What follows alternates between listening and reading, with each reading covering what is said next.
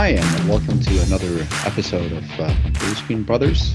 As you probably noticed, this intro has been in English because we have a English featured guest. Uh, Jeg forstår deg ikke, Alexander. Hva sier du? Ah.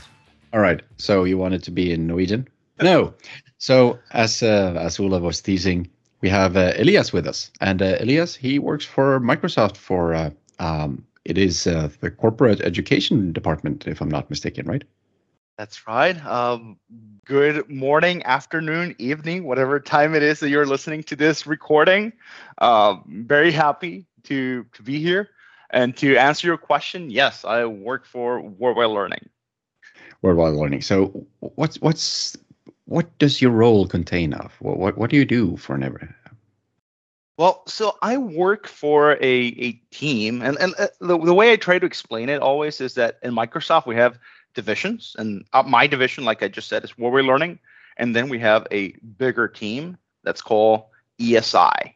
ESI stands for Enterprise Skills Initiative, and within that team, we have teams that are spread all around the world, uh, and our role is to skill up and train our biggest customers you know all around the world. So we have a presence here in the us we have a presence in asia pacific you know europe latin america you name it all all around the world. So our role is to provide um, i like to say white glove uh, services you know in this case training services uh, to our uh, biggest customers. So skill them up on azure so that they can ramp up and and start using azure or increase their um, you know consumption and uh, do, do you talk about? Uh, we've seen a lot of, uh, at least here in Europe, we've seen it's been increased in popularity on doing the certifications. Is that part of your track? Yeah. So uh, one of the, the things that we do is we we first we provide training, we skill them up, and also we give them a uh, a promo code so they can go and take the exam. So uh, that's a great benefit because people can choose. You know, they, they have the option to take the exam for free, uh, which helps a lot. You know, when you don't have to pay. Um, but uh, it's it's a, a very interesting process because in, in my team, since we have that exposure that we're in front of customers every day, we know what customers want. We know what customers need. So we also work with uh, our exam team so that we can uh, you know design and develop and polish you know uh, refresh our uh, exams and that includes the objective domains which is what's included in the exam and, and also you know the technical depth that's in, in you know in the exam the passing rate the passing score and and what content that's in the in the exam. We also do that with our courses since we're uh, again delivering training we know what's needed in those slides, you know, and the content that our customers are asking for. So um, we, in our team, we have different uh, course leads, people that are, are in charge of having that relationship with the content developers, and we're like the SMEs for that course. So we represent ESI, the boys from the field, let's call it that way, the boys from the customer, and and we, uh, I like to say, uh, develop and, and polish you know our exams uh, and, and courses. So you're not responsible for the exams but you contribute with content to them. Correct correct. And that's something that i've done over the last 15 years even before i joined uh, microsoft because uh, again i think it would be great just to provide some some context of how i arrived to this this podcast. Uh, we've been friends for i don't know how many years uh, because prior to joining Microsoft, I was a, a Microsoft MVP.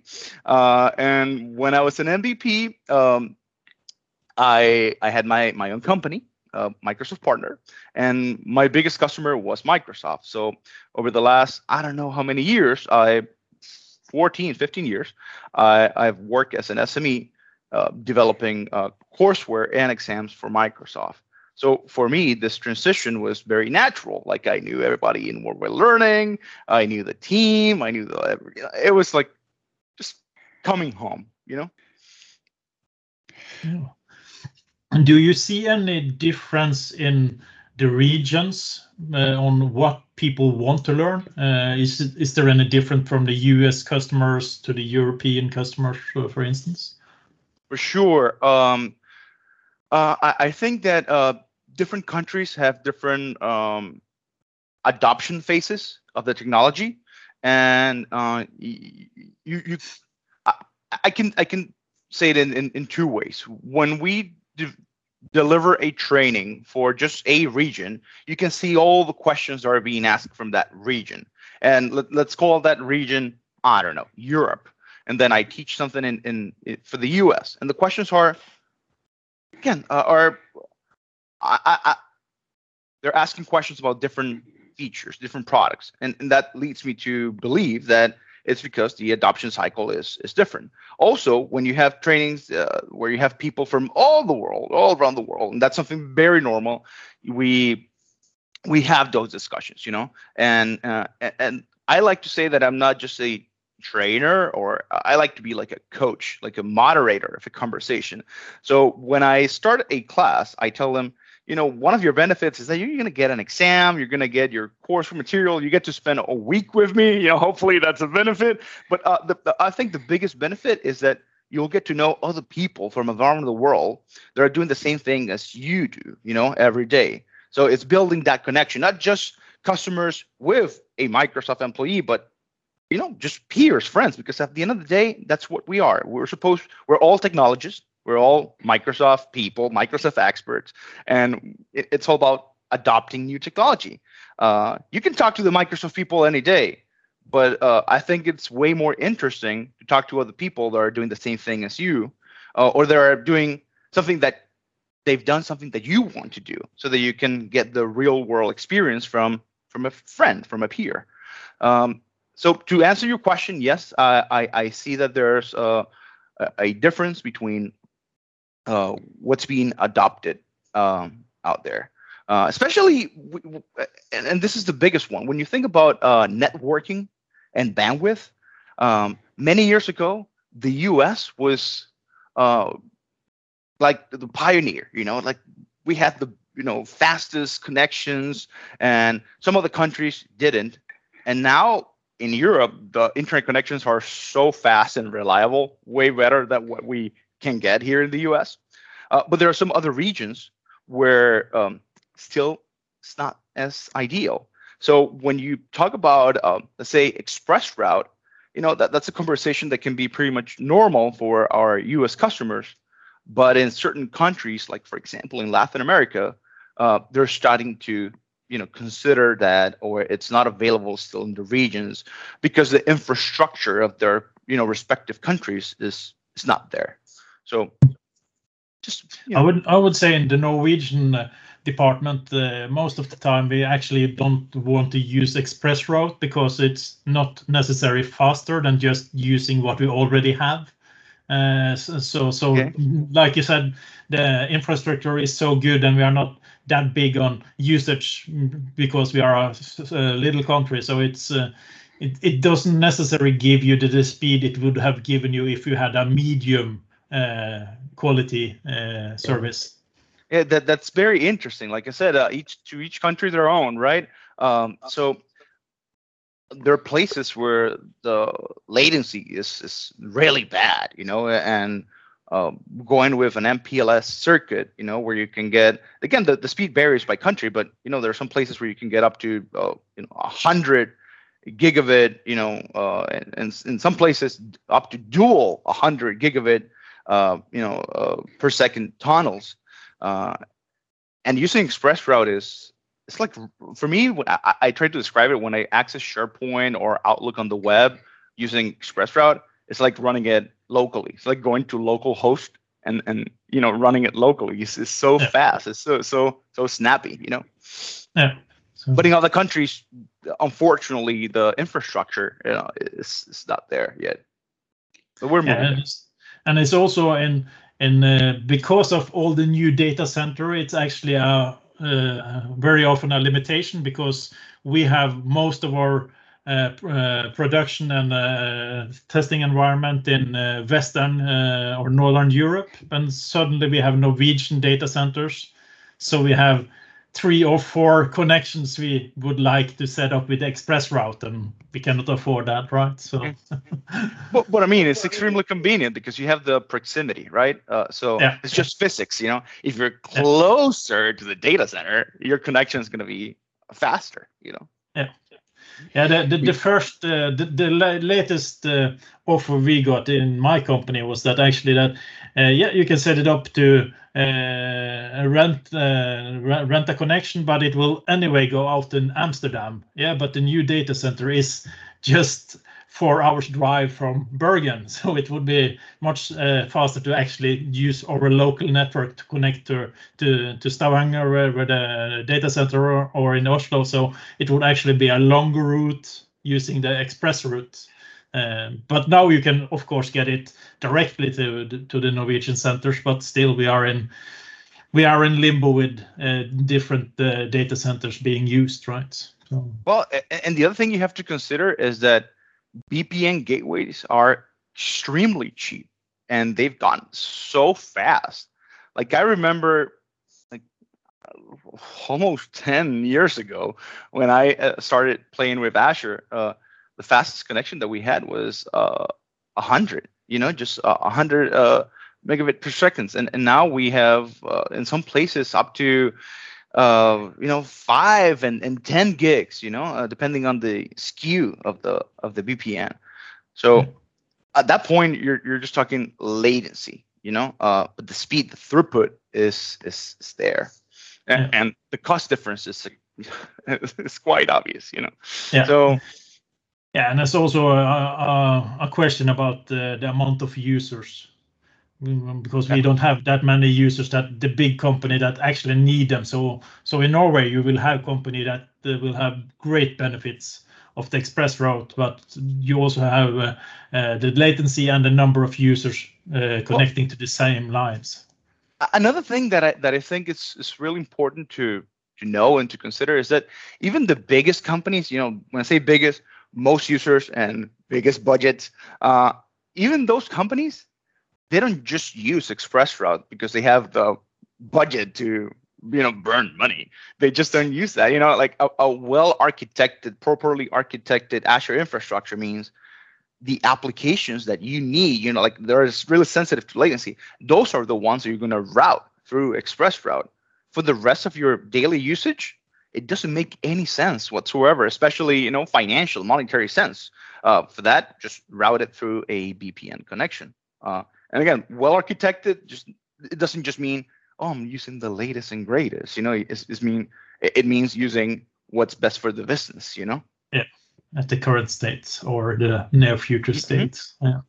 So, and uh, you took us into a, a point about uh, attending classes to speak with other uh, attendees. Uh, and uh, that's one of the biggest reason uh, why we as Norwegian like to talk to the other attendees is that actually if we are talking to you, you will give me an example. Well, my 500 exchange servers, right? So, and we will say, yeah, but we only have four, right? so, so, if we can talk to customers at the, uh, the gatherings that actually have the similar environment, uh, that will be uh, more valuable than sometime talking to uh, the Microsoft guys that are used to the big and fancy stuff. Well, I, I definitely feel you. Um, as you guys know, most people in listening to this uh, probably not know, but as you guys know, I was born in Venezuela. And Venezuela is a small country in Latin America, just in the Caribbean. Um, and I, I, when I was there, I, I used to again own my own business, Microsoft Gold Partner. We did a, a lot of infrastructure uh, consulting and architecting for our customers.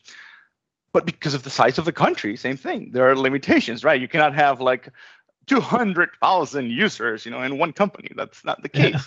so um, a, a large uh, organization, you, you know, can have like, I don't know, five, 10,000, you know, like, and that's like very big. Um, so uh, one of the, the, the things that I used to do back in the days when I lived in Venezuela and, and work, you know, for Microsoft helping with the exam was to provide that uh, experience, you know, and, and exposure to the rest of the world. Like, hey, things are not just like like here in the US. You know, there are yeah. many other countries and things. Uh, you know, technology goes at a different pace. Uh, people have not adopted this Windows server; they're still in the previous version. The bandwidth is, is slower or is faster in other countries. So bringing that uh, worldwide perspective, you know, not just US centric.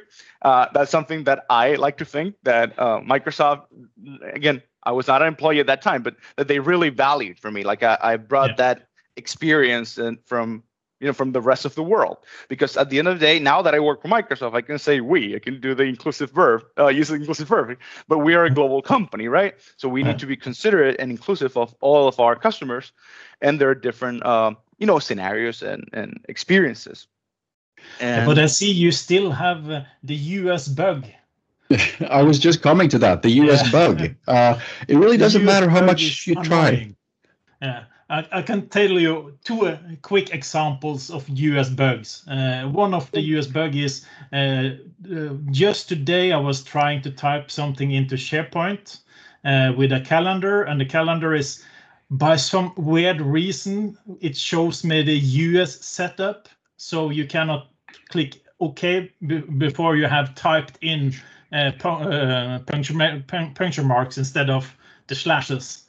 Uh, and the other thing also experienced today was I downloaded the newest ISO for Windows 11, start to install it, and then you, they tell you what region, eh, Norwegian, what setup, Norwegian, okay? The next setup is, uh, are you still a Norwegian? Yeah, okay. Then we set up the region for Norwegian and keyboard. Of course, you want to use US keyboard. No, I don't want to use US keyboard. It's Norwegian, Norwegian, Norwegian, and please give me the Norwegian keyboard, right? So everything default US. So a lot of US bugs around. Well, uh, well those things can be fixed. but yes, again, I, I, I, I, feel you. Again, I, I'm, again, I was not born in the US and I've been fortunate to travel all around the world and to have customers all around the world that experience the same things that again you, you are experiencing. So you're not yeah. alone, you know? Yeah. So yep. So yeah, so, so, so we have adopted the name of US bug when we get a US problem bug. that are related to it, it, expecting US settings when we are not uh, US uh, setup. yeah.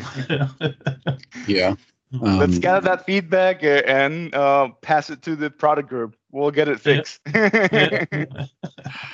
Yeah. you mentioned uh, you you were lucky and fortunate enough to travel a lot. Uh, how's it been for you the last couple of months, the, the year and a half, now that there's been travel bans and travel restrictions? Have you been doing the courses and trainings online? Or has it well, been like this um, since forever anyway? Well, Alexander, that's a, a great question. Um, I I love traveling. It's one of my biggest passions. Um, and uh, prior to uh, COVID and the lockdown, I used to travel a lot. Like I was uh, never home. At one point, I said that my my apartment was um, just a, very expensive storage unit for all my musical instruments. So they could be, you know, in, in a control, you know, environment, your temperature control environment. Um, I used to be on the road every day. Like I, you know, on Monday, go to the airport, uh, fly somewhere, uh, deliver a, a, a conference, a training. Next day, a different city. Uh, next day, another city, and then flying back Friday or Saturday. Uh, that was my life. Uh, and when COVID hit, obviously, you you need to stay home. So uh, for the first few months, it was a it was relaxing. You know, like oh, you know, I, I, needed this. You know, I needed to be home, not at this extreme. You know, because I don't I don't like extremes. You know, I like I believe in balance. But um, after a few months, I was like, I miss traveling. You know, I was traveling like three weeks out of the month, or sometimes four out of five weeks. Uh, traveling one week or two weeks that's not bad you know that's that's like balance for me uh, so what we did at microsoft was that um, we we have two uh, teams within esi within the, uh, my team one is the advanced role based team and and that's what teaches all the advanced role based certifications and we have a global team uh, called the fundamentals team. Um, during COVID and until recently, until uh, a few weeks ago, I used to uh, be the global team lead for the fundamentals team. So one of the things that that we did in that team is that we transitioned from, again, face to face in person to delivering uh, everything online. And then what we did was, okay, let's uh, start doing our virtual training days. So that was a motion that we had where we uh, again did a live event, and it was one way to a one-way video, and then people, all the attendees, all of our customers were just asking questions through chat, and there was a team of us behind the scenes answering questions. So uh, we started doing that in English, and then we uh, got to a point where we, you know, are now just we started with AZ900 with the Azure fundamentals, and now our catalog is huge. We have so many different courses offering it, offering it, offering them in so many different languages. So uh, our uh, reach increased significantly because you know uh, uh, one of those events that we used to do in person, we used to have like 50, 100, 200, you know, attendees, you know, in the room, and now for those events, we we capped them at 2000 so every time we did an event we went from again 50 100 200 to up to 2000 attendees. We were doing multiple of those a day you know many a week. And then when we started uh, doing them in different languages obviously we broke the language barrier for many countries and for many languages. So the exposure was even bigger. Uh, so imagine in one of those training you know up to 2000 people getting training for free getting a voucher for free, and then going and taking the exam. So uh, Azure has been uh, great, you know, like growing, experiencing, you know, uh, an exponential growth. And it's we we believe, truly believe, and data shows that it's because if you are trained and if you know how to use it, you will go back to your company and you know and to your boss and you will tell him or her hey, this is great. I know how to do it. I feel confident. Let's do this. And is this why uh, Azure has been growing. Is this also a reason, uh, a side effect that uh, Microsoft Docs and Microsoft Learn actually have grown and been become a much better site now than it was two, three years ago? Well, I, I'm I'm a, I'm a true fan, you know, of, of Docs. Uh, Docs, I believe, is great, and the collaboration that we can have in Docs is amazing. You know, anybody can find technical errors uh, or typos and or add to them, you know, and everything gets curated.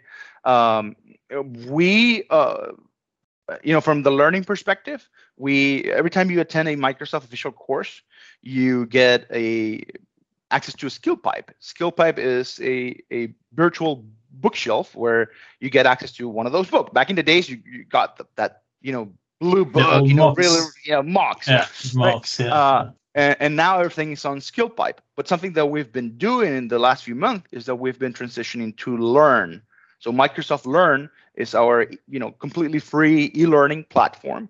And uh, for each uh, certification, we have a uh, you know different learning paths. So if you go, let's say, um, Azure uh, Administrator, you know, AZ104 or uh, AZ900, Azure Fundamentals, you will see that there's a learning path on Microsoft Learn, and and all the content. Again, there are videos, there are labs, but all the reference, uh, you know, the, the actual knowledge will lead you to Docs, and yeah. Docs is is is life. You know, it's ever changing. So when you get a book, you know, it gets out of the print and with the cloud, you know, as soon as you send to the print, it's outdated. With Docs, everything is live. You know, you can get the latest and greatest. You can see when was the last time that it, was updated and who proposed the change, who made the change. Um, and yeah, actually, the, I, the date they add is the most valuable stuff they do because you find so much stuff online without dates and you try them out and you figure out, okay, this is two or three year old. It doesn't work anymore. So yeah. the dating on top of everything is uh, that's just pure gold. I I have again learners every day asking me, you know, uh, do you guys have any questions? You know, by the end of the class, and they said, do you care to recommend me a book? And I say, go to docs.microsoft.com. and then, no, no, I asked for a book, not for a website. Go to docs.microsoft.com. Yeah, yeah. Uh, it, everything is is up to date there. Uh, you can write the book actually. The book would just go to my microsoftdocs.com.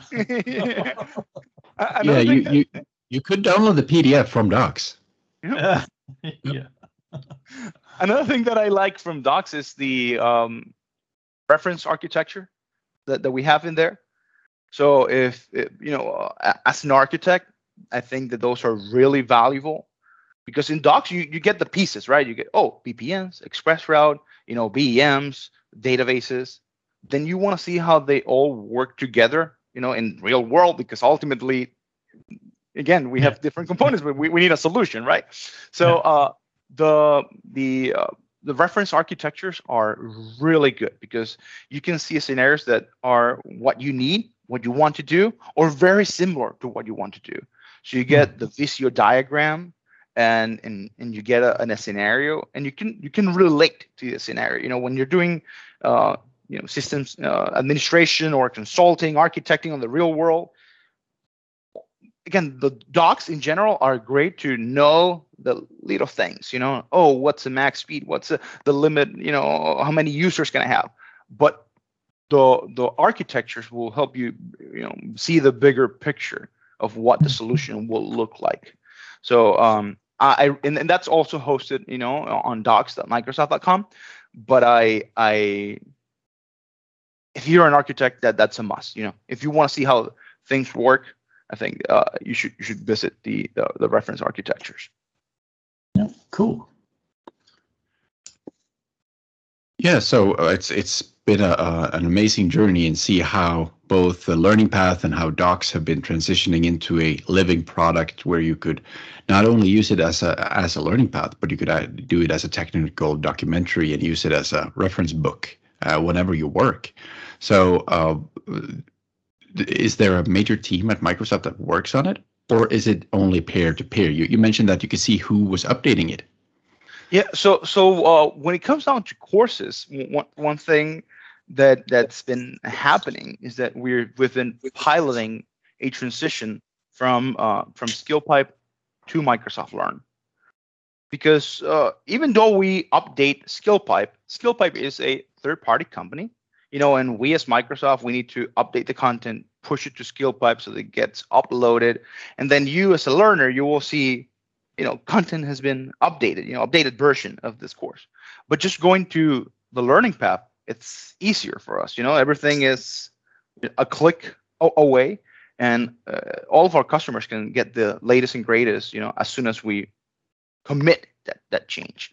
So every different course is uh, tied to again, like I said, that learn path, and courses. Each course is slowly transitioning to to learn.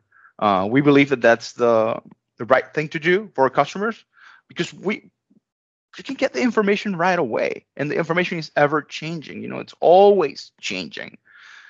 So um the, the exam exams is also changing quite often are they on on, on yeah, uh, yeah for, for the exam that's a great topic. For the exams we do uh, something called uh, a jta a job task uh, analysis. And the way it works is that you know let's say that we identify the need for a new exam. Oh we're going to have a, an exam on whatever technology. And and then we invite uh, SMEs, and, and, this could be you know architects, MCTs, MVPs uh, from all over the world to again prior to COVID to come to Microsoft, you know, and get together in a room. Now they're done virtually, uh, but to get together, you know, in a room or virtual room and and discuss, you know, what tasks would would you do as a let's say a, an Azure solutions architect as an architect, I would do this and I would do that. So let's say that you propose 50 different tasks. And you know your peer, you know someone that's sitting across the room will propose 50 of the tasks. So uh, at the end of the day, you have let's say 300 tasks, and then you're gonna have some overlap, right? So you identify the overlaps. It's a, it's a really cool exercise because at the end of the day, what you're doing is collecting tasks, making sure that you can organize them in different buckets, in those buckets, we call them functional groups. And basically, when you go to an exam page, you know, Microsoft, and you select the exam, let's say AZ 303, and you see the different bigger areas that are in, that are in bold, those are the functional groups.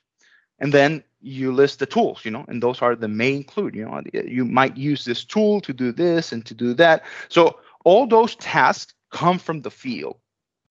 And and that's how we create the exam. Ultimately, we pass that to uh, you know, an item writer. An item writer is someone that writes uh, exam questions.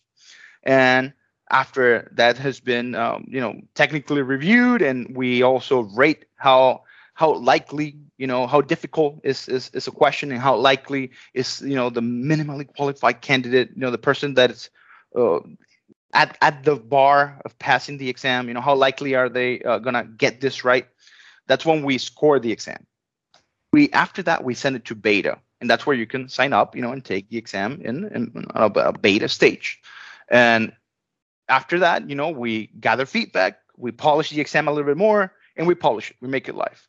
But once it's live, Azure or M365, whatever technology it is, is always changing, right? So things change in the portal, commands change, there are different SKUs.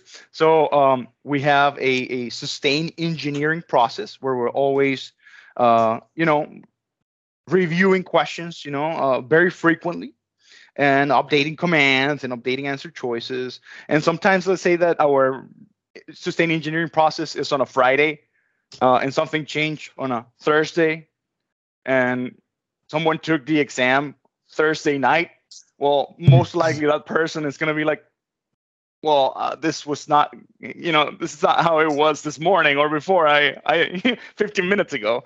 So that person can challenge the question and say, hey, this is this is not how it is, and we'll take a manual, you know, look, you know, and review that exam and rescore manually rescore the exam and make it right and actually take your feedback and fix the question.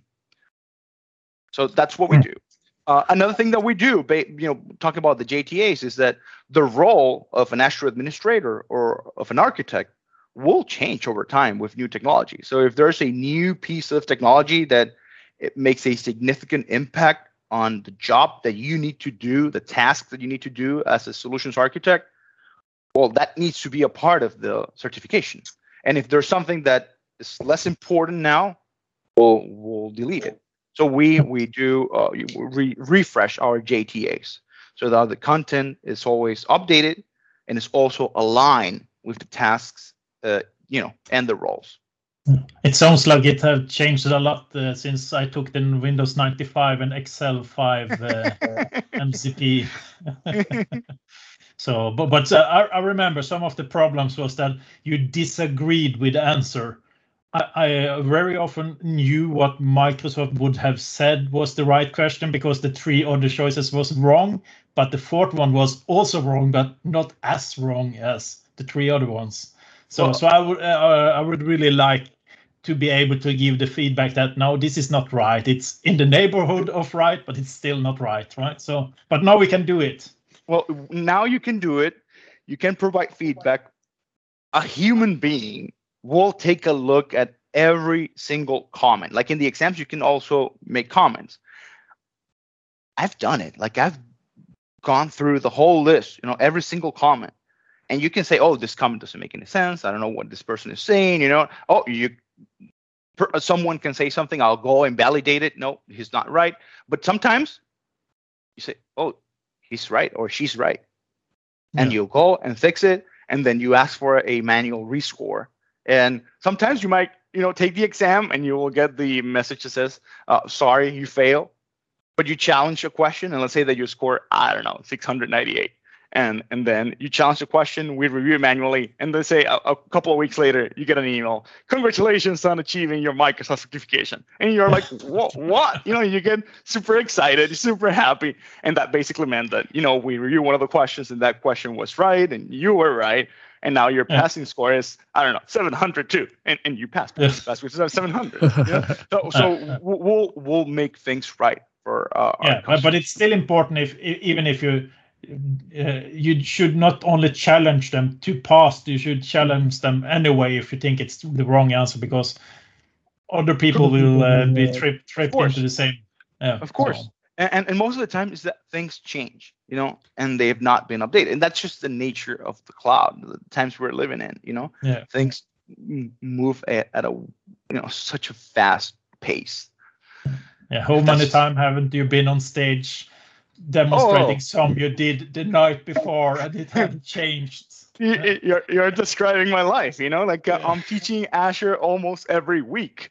And yeah, I'm, I'm demonstrating things in the portal and, and then you click here and then I'm like, in my brain, it's like, oh, this was not there. and, and, that's the, the mastery, you know, of the of the experience. Oh, and then you click here and you're just figuring out, but you don't say that that's new. You know, sometimes you do. Sometimes you think out loud and it's just like, oh, whoa, this changed. But most of the time you're like, act cool. Yeah, yeah, like yeah. never never have, and that's just a mastery of of presenting, you know, for for so many years, you know. Uh, yeah. Well, uh, to uh, to round up uh, the, this fun chat, uh, what would be the one tip that you give anyone going either for a for a course, a learning path, or an exam? What's the one key takeaway that you would like everyone to know? Uh, great question, Alexander. Uh, and and that brings me back to um, Olaf's you know prior question, and, and and I think that when you go and take an exam, you you can study a lot you can have the experience you know and but you need to know that whatever exam you're taking it, it, you know that that exam most likely if it's an advanced role based exam it's tied to a role. So let's say that you in your role alexander. Alexander is a solutions architect you know for whichever company and that's what you do every single day you're architecting solutions you're designing solutions and then you want to take the Azure Administrator exam. Well, guess what? For the Azure Administrator exam, an administrator would not have the visibility that an architect would, probably won't have the permissions that an architect would. So when you go and you are the architect and you want to take the administrator exam, you need to put that hat on, the hat of an administrator. And sometimes, uh, just like Olaf said, you know, you see very a, a, lot of answers and you think that they're all right, but which one's right for the administrator and which one's right for the architect? Two different mm. things. Because uh, mm. an, an administrator, it's all about doing, clicking, you know, running scripts, next, next, next, finish, you know, deleting, updating, modifying things. And an architect is about identifying you know problems finding solutions designing and architecting solutions. So when you go and take the exam you know and this case uh, administrator exam and you're the architect you think that you're the god. I know it all. I have all the permissions in my company. I can do this. I'm going to change how uh, you know a certificate infrastructure. No you're the administrator. Your role is just to add the certificate not to design you know a different uh, you know um, PKI infrastructure or make changes to that. Your role is to revoke the certificate or to add a you know update in the certificate. So as an architect, yeah, you can see an answer choice that says you modify this and that's what you do every single day. But as an administrator, you don't have permissions to do that. You know, that's not the right mindset. So going back to your question, my tip is make sure that you take off the head of your current role, you know, of your daily job and task that you do every single day, and you put on the hat of whatever role you're taking the exam for. Uh, also, uh, second tip would be don't overthink. And when I say don't overthink, is sometimes we over prepared and over preparing for an exam. Preparing for an exam is great. You need to have experience. That's the first, you know, number one tip. You know, get your hands dirty. You know, prepare yourself. Have the real world experience. Also study. Get get prepared. You know what that means as a whole.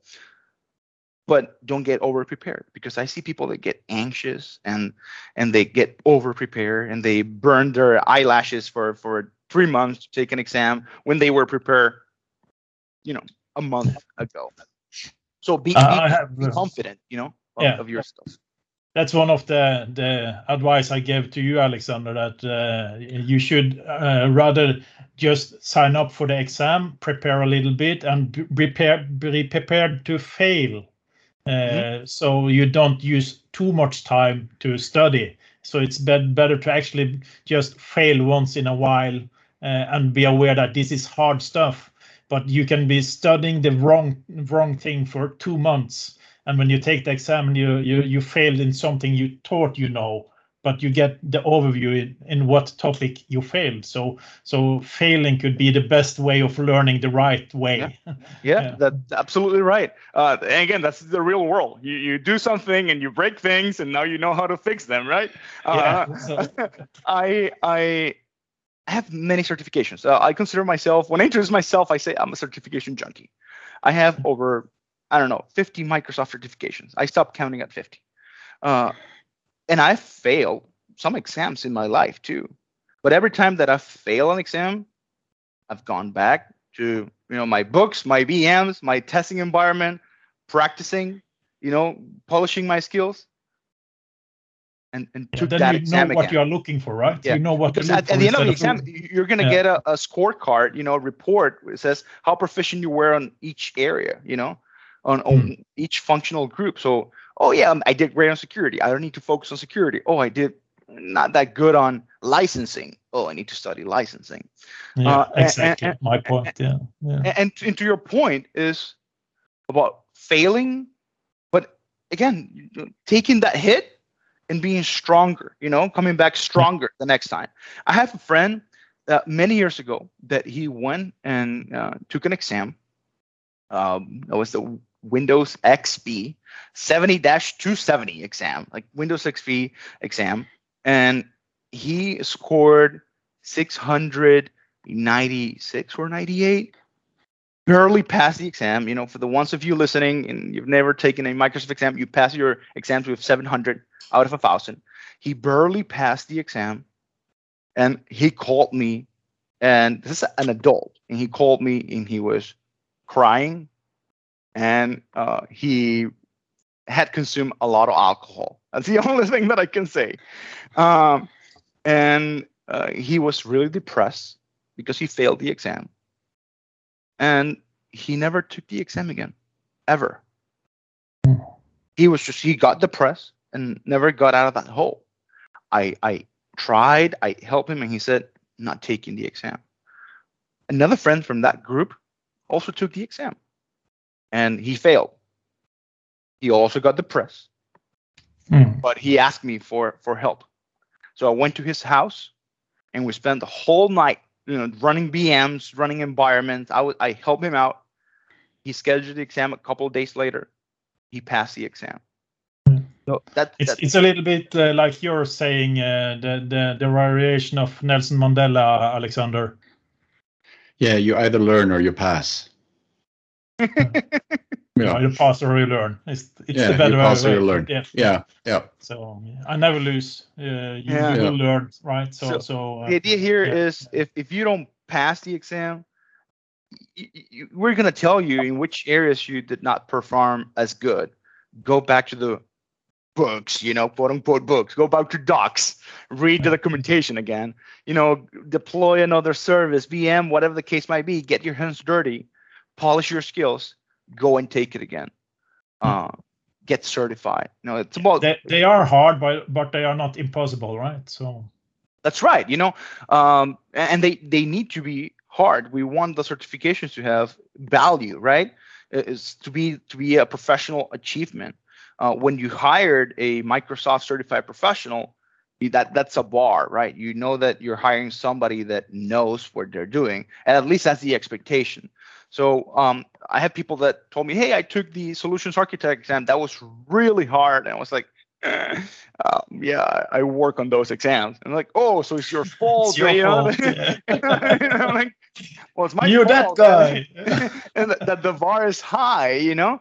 But uh, but how do you feel after you prepare for the exam? Yeah, I feel great. You know, I feel like I I learned a lot of things. You know, and even though you were doing the role, you were already an architect. There's there's always opportunity for improvement, opportunity for learning new things, right? Yeah. So um, I, I always like to say that there's a difference between passing an exam and certifying your knowledge. And for me, the real certification is being able to do the job in the real world, right? Just to troubleshoot the problem, to, to, to design the solution, or for us, you know, three of us, to get on stage, you know, and have a thousand people in front of us and deliver a training and get a bunch of questions out of out of the blue and be able to answer all or most of those questions. That's the real certification for me. Yeah. You know, and then passing the exam is just a validation of m- my knowledge. You know, uh, yeah. and they all go together. You know, I like to have the real world experience and also have the paper to back that that knowledge up. You know. Yeah. I, am an old guy, so I'm I'm not that concerned about the certifications anymore. I, I had 40ish when I stopped uh, taking them, uh, but I still read the documentation for the exams for the reason you are telling me to to to stay uh, focused and st- to stay in, in touch with the, the new development. So I'm still reading SkillPipe, I'm still reading Learns and so on because uh, even though I'm not going for the exams, I still want to learn the stuff. So of course, and everybody listening to this podcast needs to know, and they probably already know that you're a rock star and that you know your thing. You know a thing or two, right? So you don't need to to to, to prove anybody, you know, anything to anybody. Uh, but still, uh, I I, it's a for me it's a personal challenge, you know. Uh, and uh, and as a trainer, as someone that's coaching, mentoring, and delivering training every single day, uh, and helping others, you know, get certified and pushing them to achieve more, you know, in their careers. I yeah. need to be able to know what's in the exam, you know, so that I can. Again, I'm not going to tell them the questions and the answers, but I need to tell them, you know, how to approach the exam you know what's in it what to study what are the boundaries of, of the exams. So yeah. Yeah so you're still you're still doing the mvp stuff to teach communities or teach um, you, you know what they people say. being become geeks right? Once an mvp always an mvp right?